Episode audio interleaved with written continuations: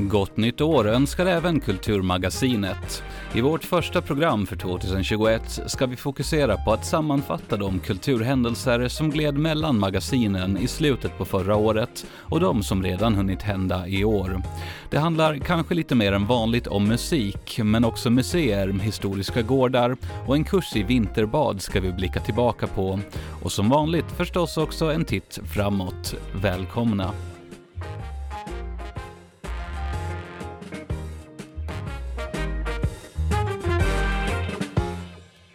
Den 28 december presenterades huvudrollerna i den kommande operan Lisbeta, En trollkona ska du icke låta leva, på en presskonferens där Karina Karlsson diskuterade kring operan och dess huvudroller tillsammans med huvudrollsinnehavarna. Karina Karlsson, som skrivit operans libretto tillsammans med operans regissör Ida Kronholm, är också författare till boken Märket som operan baseras på. Handlingen i märket handlar om hur häxprocesserna på Åland trappas upp. Karina Karlsson svarar så här på frågan om vad som händer nu för hennes del, då librettot är färdigt och huvudrollsinnehavarna är utsedda. Ja, alltså librettot eh, blev färdigt någon gång näst, eh, nästan ett år sedan, inte riktigt ett år sedan. Eh, och sen hade ju varit hos tonsättaren Carolina Eriksdottir för, för tonsättning då. Eh, och nu igen, jag bara liksom glider med och tillför eh, när det behövs och ibland kanske utan att det behövs eh, kunskap om, om vårt ämne och om, jag har hunnit fundera på det här så länge så att jag har ju väldigt mycket tankar om uh, vad de här processerna berodde på och, och liksom hur de drabbar olika människor och sådär.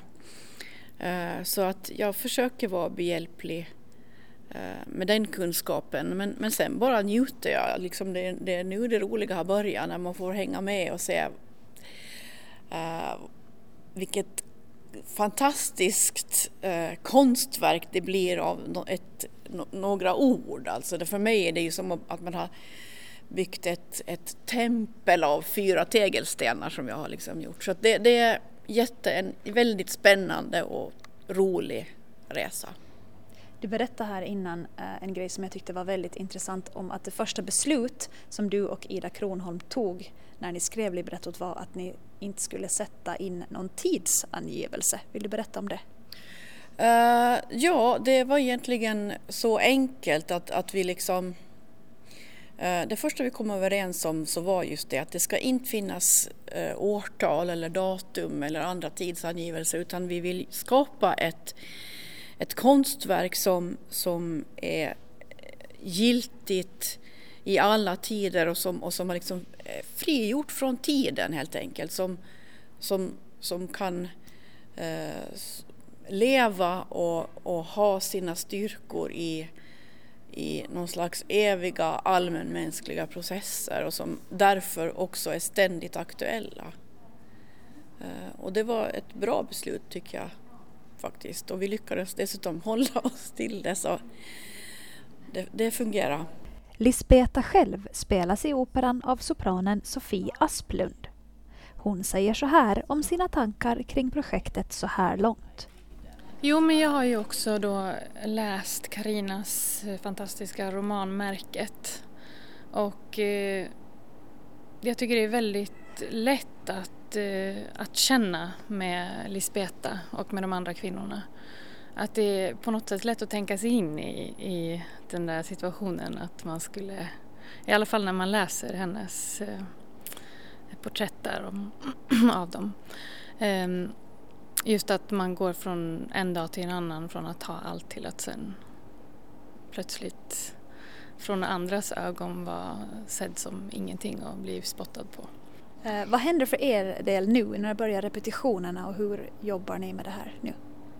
Nu har vi ju precis då egentligen fått materialet så att eh, bara någon vecka sedan så fick vi första liksom, klaverutdraget med musiken. Så att eh, det får man bekanta sig med under våren och lära sig. Eh, och eftersom vi har både librettist och kompositör fullt levande. Det är väldigt ovanligt för mig som operasångerska då att man har det. Ofta så kan man absolut inte ringa kompositören och bara Hör du, skulle du kunna ändra lite här så det passar mig? Nej men jag antar att det kommer vara en fortsatt dialog eh, ända fram tills vi börjar repetera. Så att om det, om det skulle vara någonting som man själv tänker på så, så tror jag säkert att alla är öppna för att det kan ske vissa justeringar om det skulle behövas, men det tror jag inte. Sist i inslaget hörde vi Sofie Asplund och reporter var Martina Eriksson. Lena Fridlund håller kurser i andningsteknik och kallbad. Själv började hon vinterbada i fjol och i mellandagarna delar hon med sig av sina lärdomar i en kurs. Vår reporter Frans Jansson, själv en vinterbadare, träffade henne på annandag jul och då lät det så här. Vi sitter på ABF-huset på Ålandsvägen med Lena Fridlund. Ja, det här är ehm, kurs i eh, andningsteknik och eh, kallbad. Och om man deltar i den här kursen, vad är, det, vad är det folk brukar ta med sig? Jag tror att det finns eh, två delar. Dels är det de som vill eh, minska stress i, eh, i kroppen och eh, öka sitt välbefinnande och, och, kunna hantera olika saker på ett bättre sätt.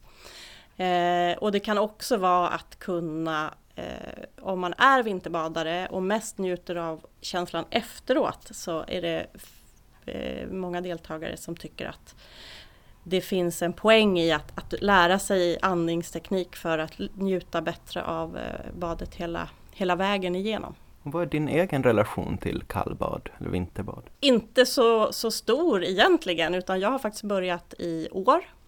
Och eh, Eh, jag fick tips förra året av en, av en kompis som kallbadade hela vintern och eh, jag såg väl på det där med skräckblandad förtjusning.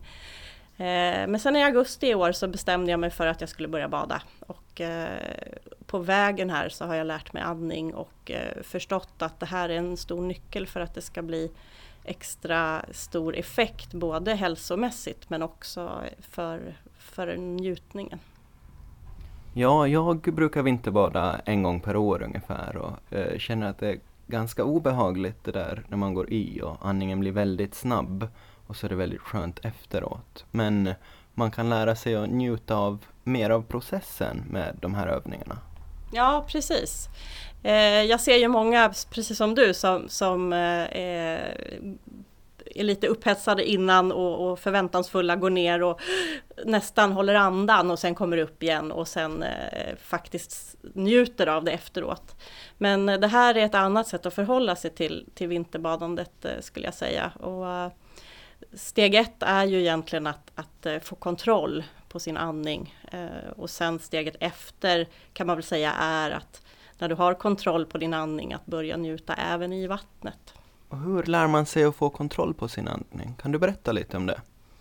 Ja, man, eh, eh, det jag jobbar med är egentligen att man, man eh, jobbar med andningen på land och man lär sig att, att lär kroppen nya banor om hur, eh, hur man ska reagera på olika situationer kan man väl säga. Hur andningen uppträder. Sen handlar det mycket om eh, mentalt fokus, att du faktiskt ska vara närvarande till hur din kropp beter sig eh, under stress. Eh, skulle jag säga egentligen är de två nycklarna som, som eh, jag upplever är största skillnaden. Ja, det är redan här på bryggan man ska börja fokusera på att andas långsamt och djupt. Eh, för att man ska vara, kroppen ska vara förberedd när man kommer ner. Jag tänker att jag går i före och så kommer du i efter och om du har några frågor så ställer du dem. Annars så följer du mina instruktioner bara. Ja, nu går Lena i. Så nu ska jag sätta undan min handduk, ta av mina tofflor och så ska jag också gå i. Och nu går mina fötter i vattnet.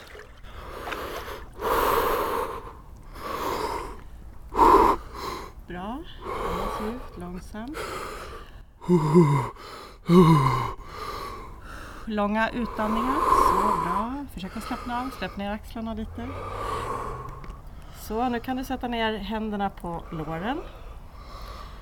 Okej. Okay. Och så böjer vi knäna så vi doppar hela kroppen upp till axlarna. Bra. Och nu är målet att vi ska vara kvar tills andningen är lugn. Bra.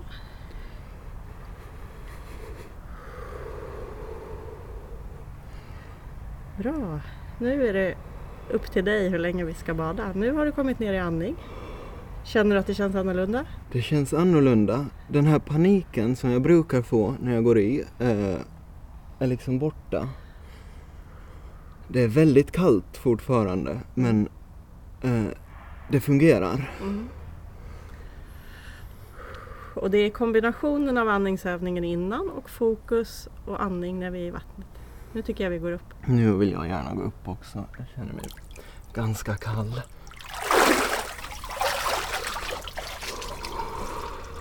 Vi hörde Lena Frilund och reporter var Frans Jansson. Fjolåret var av förekommen anledning inget bra år för de åländska museerna. Strax före nyår ringde vi till Hanna Hagmark och Annika Dahlblom för att höra hur siffrorna såg ut under 2020. Vi hör först Hanna Hagmark, chef för Sjöfartsmuseet. Både Pommern och Sjöfartsmuseet ligger ganska lika eh, och vi har ju tappat förstås jättemycket jämfört med 2019 då, på grund av att vi hade stängt och på grund av att säsongen såg ut som den gjorde. Så vi ligger väl ungefär på hälften både vad gäller Pommern och, och Sjöfartsmuseet jämfört med förra året. Det innebär så här långt i år så har vi haft eh, totalt eh, 46 600 besökare och det är ganska jämnt fördelat eh, mellan Pommern och Sjöfartsmuseet. Nästan 50-50 faktiskt. Eh, det är 53 procent av vad vi hade 2019 så totalt förra året så hade vi över 89 000 besökare och eh, vi lär ju inte hamna där. Som sagt, nu har vi 46 600 och det är två, två veckor kvar. Så vi kanske kommer upp i 47 000 om vi har tur, men, men det är ganska osannolikt. Det sa Hanna Hagmark som är chef för Ålands sjöfartsmuseum. Annika Dahlblom är museichef på Ålands museum. Hon säger att läget ändå kunde varit mycket värre. Så här i slutet av året så blev det ändå inte riktigt så illa så som det kanske verkar i mars när museet stängde. Vi har ju haft förstås sjunkande besöksstatistik över året sett, men med tanke på att vi hade tre månader helt och hållet stängt så tycker jag ändå att det, att det ser hyfsat bra ut och vi har haft ganska bra inkomster både med biljettförsäljning och med butiken så det kunde ha varit mycket, mycket värre. Har, har du några siffror på, på besök och sådär? Mm. Jag har siffror som gäller Kulturhistoriska och Konstmuseet, de två museer som har Eh, öppet året runt som är inne här i, i huvudbyggnaden i Mariehamn. Och eh, man kan säga om jag jämför med förra året så är det en minskning med ungefär 30 procent. Men om man tar i beaktande eh, att vi hade tre månader stängt så, så ser minskningen inte alls så illa ut. Men vi har ungefär ett tapp på 4 000 personer Sist i inslaget hörde vi Annika Dahlblom, chef för Ålands kulturhistoriska museum och reportrar var Thomas Tornefjell och Axel Eriksson. För ett tag sedan köpte Anna Humell Blomberg och Sven Blomberg Guttorps gård i Sund, där bland andra Ålands första kvinnliga lagtingsledamot Fanny Sundström har bott. Och nu har de börjat renovera. Vår reporter Kjell Brännström hälsade på. Här eh, befinner jag mig i eh, det som en gång var sal här i Guttorp gård. Och det kanske fortfarande ska bli sal när det blir klart. Men just nu så doftar det lenolja. Eh, golvet är, är liksom nerslipat, inoljat. Stockarna är framme på väggarna men som jag förstod så, så hade det sett så där ut tidigare också. Jag tänkte att det hade varit spännpapp. Men eh, man ser att det är renoveringsprojekt. Det finns en hel del att göra. Det värmer gott från brasan. Jag tänkte först att jag kommer till ett kallt hus men det, så var det ju inte alls. Så här har vi renoverarna. Hej på er! Hej! Hallå, hallå! Och vi tittar på ett gammalt foto på Eh, på väggen här där det är en bild på det här huset på en annan plats. Berätta lite historien om det, vem vill ta det? Ja, det är som sagt från Mikkelsö. Eh, huset är hitflyttat i slutet på 20-talet och eh, som man ser på bilden här så liknar inte huset sig riktigt. De har höjt på det några varv för att få en fullgod övervåning. Och ja. Precis, att där står det ändå eh, i sin prakt. Och det här huset på det här stället, då vet man hur gammalt det är? Från eh, 1930 då. Mm. Så, och det har så. bott en hel del familjer här sedan dess? Ja, knappt familjer. Eh, våran son blir den första sonen på 90 år som bor här. Fanny fick ju inga egna barn och inte Lundberg heller då. Och eh, Ingmar Berglund som hade det senast, så hans son Stefan var ju här på helger och sådär då. Mm, men det finns en väldigt rik historia och eh, Fanny nämnde det. Det finns personer som många vet vem är på Åland och förstås här i bygderna. Vad betyder det att ta, ta över ett sånt här eh, historiskt hus nästan kan man säga? Ja, det, det var inte vad vi hade tänkt oss att vi gjorde från början, men sen när alla vet vem Fanny är, Ålandsdrottningen och vad hon har gjort för kvinnorna, så, så blir det mera ärofyllt. Vi vill bevara Fanny i renoveringen, så att vi kommer ju försöka jobba eh, till att ha det så som det var, men på vårt sätt. Då. Det brukar ju kunna vara kakelugnar också i, i salen eller i det här största rummet i ett hus, men det, det är ingen kakelugn här, men däremot en väldigt trevlig spis som står och brinner. Ja, eh, den här spisen i original, det är ju eh, Fanny och hennes eh, väninna som har konstruerat eller designat så att säga. De, de, de hade sin egen egen väg att gå. Du ser det ju stjärntecken målat på spisen och, och, och vi ska försöka med, med, lite hjälp att få fram färgerna igen utan att förstöra den.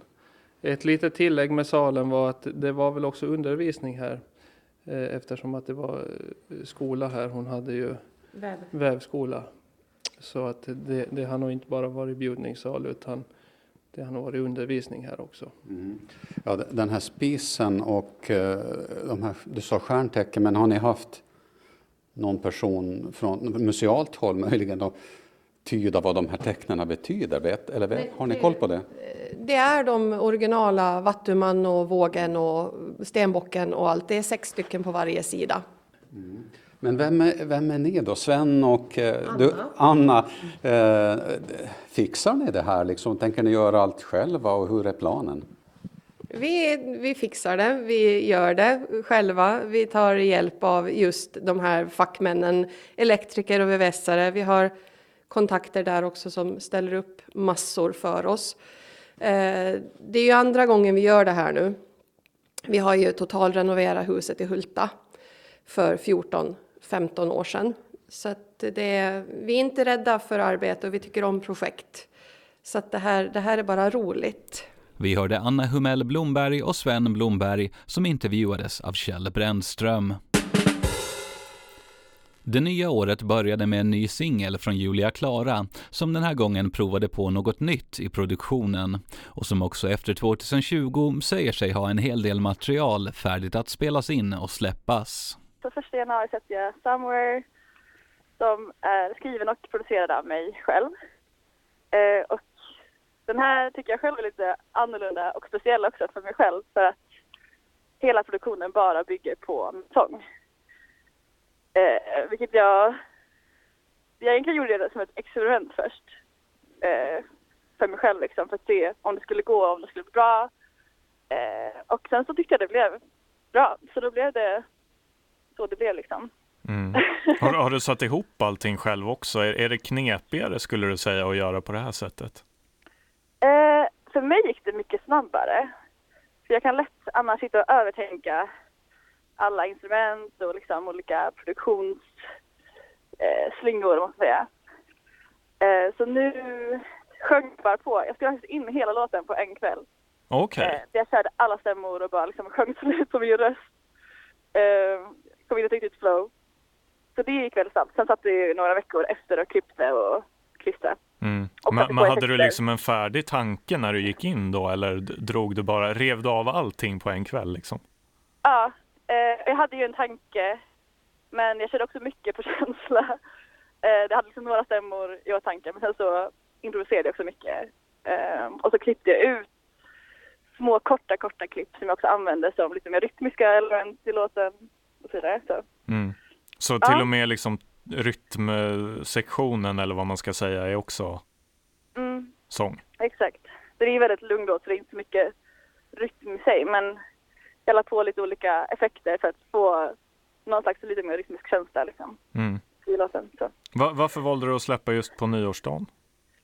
Eh, det bara blev så egentligen. Jag eh, laddade upp låten och då var det som sagt eh, releasedatum första januari och det kändes, när jag såg det framför mig så kändes det bra att börja det nya året med ny musik. Eh, att börja på en bra ton liksom, Mm. bokstavligen. Ja, det känns som att alla vill lägga det här året lite bakom sig. Verkligen. Men vad händer nu då framöver tänker jag? Har du någon skiva på gång och sådär och hur blir det med spelningar? Det vet väl ingen kanske men Nej, det vet nog ingen, men eh, det vore ju kul att börja spela igen såklart. Jag körde ju live nu eh, på Stil FM-hjälpen mm. eh, på Åland. Ehm, så det blir mycket sådana gigs och kanske mer liksom livestreams och eh, ja, inspelade spelningar som man kan streama. Ehm, hur har det funkat annars- för dig tycker du? ehm, jag har inte gjort så många, men hittills tycker jag det funkat jättebra. Det är tråkigt såklart att inte ha en publik framför sig. Det är inte alls samma sak att spela när man inte kan känna av publikens närvaro på ett liksom, samma sätt. Ehm, Så det är en stor skillnad att spela. Men man gör väl det man kan. Mm. Ehm, Men eh, jag har också många nya låtar på G. Som, några som är inspelade redan, som bara som ska produceras klart. Och sen har jag väldigt många låtar som bara behöver spelas in liksom. Så det ska jag sätta mig mer nu. Det sa Julia Klara som intervjuades av Axel Eriksson. Den svenska indiegruppen Maple and Rye släppte en ny singel kring nyår och inte långt före det ett helt debutalbum. Basisten Milton Lönnroth var under julen på Åland för att tillbringa lite tid med sin familj och stannade då till vid Ålands Radio för att berätta lite om gruppen, albumet och singeln. Ja, alltså vi har ju gått och spelat musik med varandra i eh, alla år och dagar det på att säga. Jag och Leo har i alla fall det som eh, små kusiner som du tror att det hette. Mm. Eh, Så vi har ju spelat sedan vi var små med varandra, mest på skoj. Och det har väl alltid varit lite på skoj fram till ungefär 2016 när vi valde att köra lite mer på allvar. Det var då vi döpte namnet till band, på bandet till Maple and Rye och satsade lite mer på riktigt.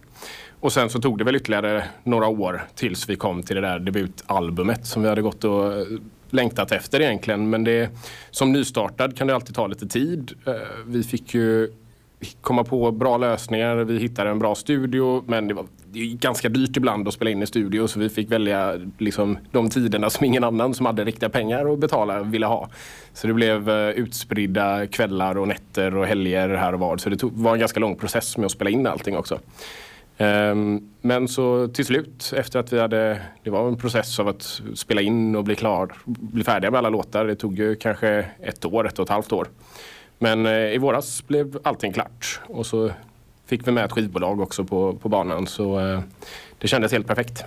Men var det så där som i den här Queen-filmen som kom här om året där de säljer sin turnébuss för att, att spela in på nätterna?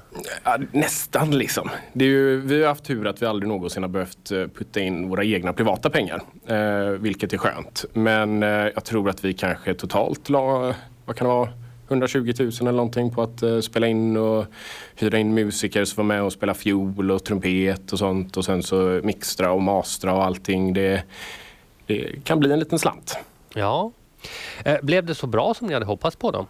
Jag tror det. Jag tror det finns ju alltid, eh, man kommer ju aldrig vara 100% nöjd med någonting man gör. Men det är väl bara bra tror jag för det får man lite mer eh, push att utvecklas och göra ännu bättre ifrån sig när man, när man går vidare. Men jag tror ändå att vi blev väldigt nöjda. Det var det första som vi släppte där vi kände okej men det här är vi inte liksom generade för att släppa det i alla fall. Det, det känns okej att få ut detta. Så det var kul. Men hur, hur går själva arbetet till då? Vem, vem skriver musik och vem skriver text och, och hur funkar det där? Där har vi faktiskt väldigt tur tycker jag. Att vi, vi är fyra individer där alla av oss eh, skriver både text och musik. Eh, så det betyder att själva skapandeprocessen kan ske på jättemånga olika sätt. Ibland så är det så att en av oss kommer till replokalen och har en nästan helt färdig låt. Det brukar främst vara vår trummis eh, Henrik som har en eh, otrolig hjärna. Han sover inte på nätterna utan han sitter och funderar på exakt vad alla instrument ska spela i varje låt och eh, har liksom en helt färdigkomponerad orkester i huvudet på något sätt som han presenterar. Medan andra gånger så kan det vara att någon börjar plinka på någonting medan vi har repat på något, inför något annat och sen så tycker jag att det låter intressant och allting byggs upp tillsammans. Eh, så det kan ske på väldigt många olika sätt, vilket jag tror är en styrka. För det kan ju, eh, är man 100% beroende av att en person har feeling och har inspiration så kan det ju givetvis komma dalar i det där. Eh, och då har vi tre andra som kan, som kan gå in och bidra lite extra under de perioderna. Mm. Men jag tänker då just med det här albumdebuterande tajmingen var inte kanske helt idealisk. Nej, det har du helt rätt i. Eh, det var lite snopet efter att vi hade spenderat så mycket tid och energi på det här albumet. Eh, speciellt när det absolut roligaste med att släppa musik och speciellt ett album det är att man ska åka ut och spela live med det där. Man ska åka ut på turné liksom. Och vi hade eh, turné turnéer både i Skandinavien och i Tyskland mer eller mindre inbokade när pandemin kom. Och då fick vi ju tänka om och sätta i princip allting på is och försöka fundera ut eh, innovativa sätt att ändå kunna spela men på ett säkert sätt. Eh, så många av våra riktiga planer har vi lagt på is antingen till nästa år eller till eh, obestämd framtid. Eh, vi får ju se, vi kanske hinner släppa ett nytt album innan man får börja spela igen på riktigt. Vi får se. Det sa Milton Lönnroth som intervjuades av Peter Grönholm. Bortglömda och bortgömda inspelningar med Mariehamns musiker från förr. Läraren och musikern Lasse Sundblom har sysslat med musik i över 30 år. Under förra sportlovet fick han för sig att han skulle ta och reda upp och digitalisera sitt inspelningsmaterial. Efterhand började allt mer inspelningsmaterial dyka upp då vänner och andra musikerkollegor fick höra om hans påbörjade arbete. Så här berättar Lasse själv. Ja, faktiskt så är det här en liten rolig historia från första början. Det var så att min barndomskamrat Björn Johansson undrade vad jag skulle göra på ett sportlov. Så sa jag att jag ska städa källaren. Eftersom man har ett, ett äldre hus då så har man en stor källare. Och jag gick dit ner då och skulle börja städa men jag ansåg att det var för kallt så han retade mig lite. Men sen så tog jag mig kragen och verkligen började städa ordentligt. Och då hittade jag en stor vad heter det, kartong med massor med kassetter som jag började gå igenom. Som jag hade sparat och eh, blev så intresserad. Så att eh, jag märkte att jag hade också gjort från Allandia Big Band här på radion som kassett. Så jag fick då ut, de är digitaliserade härifrån också, spelades in och började gå i den här första jazzfestivalen. Kameran, filmkameran plockade jag fram. Och eh, ja, det här, det här blev så pass intressant så att eh, eh sen när Ralf Rosten gick bort då, så, så före han gick bort så var jag upp till julen till honom, dotter då, och eh, hade en CD med. Ja och då sa hon att ja, jag ska nog framföra den här pappa då, då. Så hon har berättat efteråt att han blev så glad. Munnen rörde på sig och takterna satt kvar. Så här, här har du något som du ska få, sa hon till mig. Så fick jag två kassar med material. Och det här var ju rena rama julafton. Jag har byggt upp ett musikrum där nere då, så studio och allting. Sitter jag och lyssnar på det här mitt alltså kommer Klasse Hägglund och Bengt Elding och Kjell Öhman. Och, Kjell Öhman hette han inte. Han hette någon, eh, Leif Öhman. Leif Öhman hette han, ja och spelar något gudomligt. Jag sitter där till halv tre på natten och lyssnar. Och min fru undrar vad jag höll på med där nere faktiskt, men det var en annan femma. Eh, på söndagen sen då så går jag faktiskt upp och ringer Klasse Hägglund. Och eh, han känner inte igen det här så han frågar mig så här försynt om han skulle kunna få köpa en sån CD sen. Nej, du ska få den. Där, och han blev så himla glad när han fick den. här. Alltså han är en, en underbar pianist, Klasse Hägglund. Alltså han är fantastisk. Vad är det vi hör här nu? Sweet Loreen. Det är så proffsigt alltså.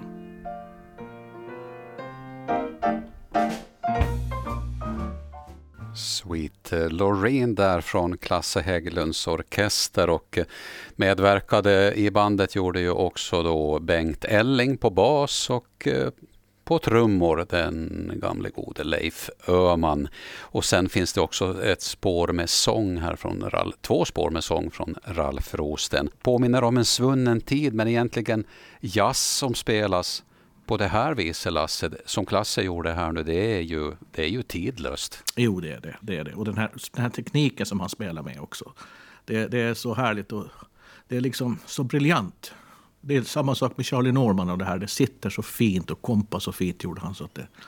Känner du till det, hur, hur liksom Klasse har fått sin musikaliska bakgrund? Nej, det gör jag faktiskt inte. Det, det vet jag. Bara Eh, när jag var ung så beundrade jag honom och frågade om jag skulle få ta privatlektioner av honom. Han gav inga lektioner. Nej. Eh, har han varit lite anonym som musiker så här efter att han så att säga la ner sin aktiva karriär? Jo, han har nog inte spelat. För när jag ringde upp honom på söndag morgon då så sa han att han har inte spelat alls någonting. Han har inte rört piano någonting. Så. Mm. Men nu när dottern som var hämt, hämtade den här sedeln sen då, så då hade han blivit så glad för det här så han hade börjat rusa upp och leta efter gamla band och skulle att jag skulle få ta hand om det där också och titta på. Så det ser jag verkligen fram emot. Det sa musikern och musikläraren Lasse Sundblom och mer om de bortglömda Mariehamnsinspelningarna kan jag redan nu lova att den som är intresserad kan vänta sig senare i år. Med den summeringen kan vi äntligen lämna 2020 bakom oss och se framåt. Idag och imorgon lördag kan du fortfarande se fjolårets fotograf Gunilla Janssons fotoutställning på Mariehamns stadsbibliotek. Och fotoutställningar finns det fler av. På Geta bibliotek kan du fram till den 25 februari se Lars-Erik Erikssons utställning med fotografier av maskindrivna fartyg och annan kuriosa från sitt fartygsmuseum. På Kulturhistoriska museet kan du fortfarande fram till den 17 januari se fotoklubben Obscuras svartvita utställning Our Island in Monochrome. Och inne på Kuben i Konstmuseet kan du ännu i helgen se Martin Nybergs utställning Stegen som skulle komma att betyda allt. På Nipo kan du till och med den 21 januari se utställningen Ön och havet som vi tidigare tittat på i Kulturmagasinet och som innehåller kreativa uttryck av öbors mående och funderingar kring vad som gör en ö bobar. På galleri Juha P i Ens lokaler kan du se Juha Pykäläinens utställning Promenader i Sverige. Fram till den 24 januari visar Ålands museum Canaries in a Coal Mine på temat högkänslighet. På Lämlands bibliotek kan du fram till den 28 se både Lotta Gustafssons utställning Allt är inte bara svart och vitt med keramik och stickning och Olivia Erikssons Vinterns magiska under med sagovärldar skapade i lera. Från och med den 11 januari kan du via Nipos hemsida digitalt se Nikolaj Amods collageutställning Platsstudier och från den 14 är också filmen Åland dansar som kombinerar musik av Linus Aldeborg, Samuel Nordqvist och Sofia Eriksson med dans av Dunderdansarna, koreograferad av Erika Dunder. Och det var allt för Kulturmagasinet den här veckan. Vi hörs igen nästa vecka, samma tid, samma kanal. Trevlig helg!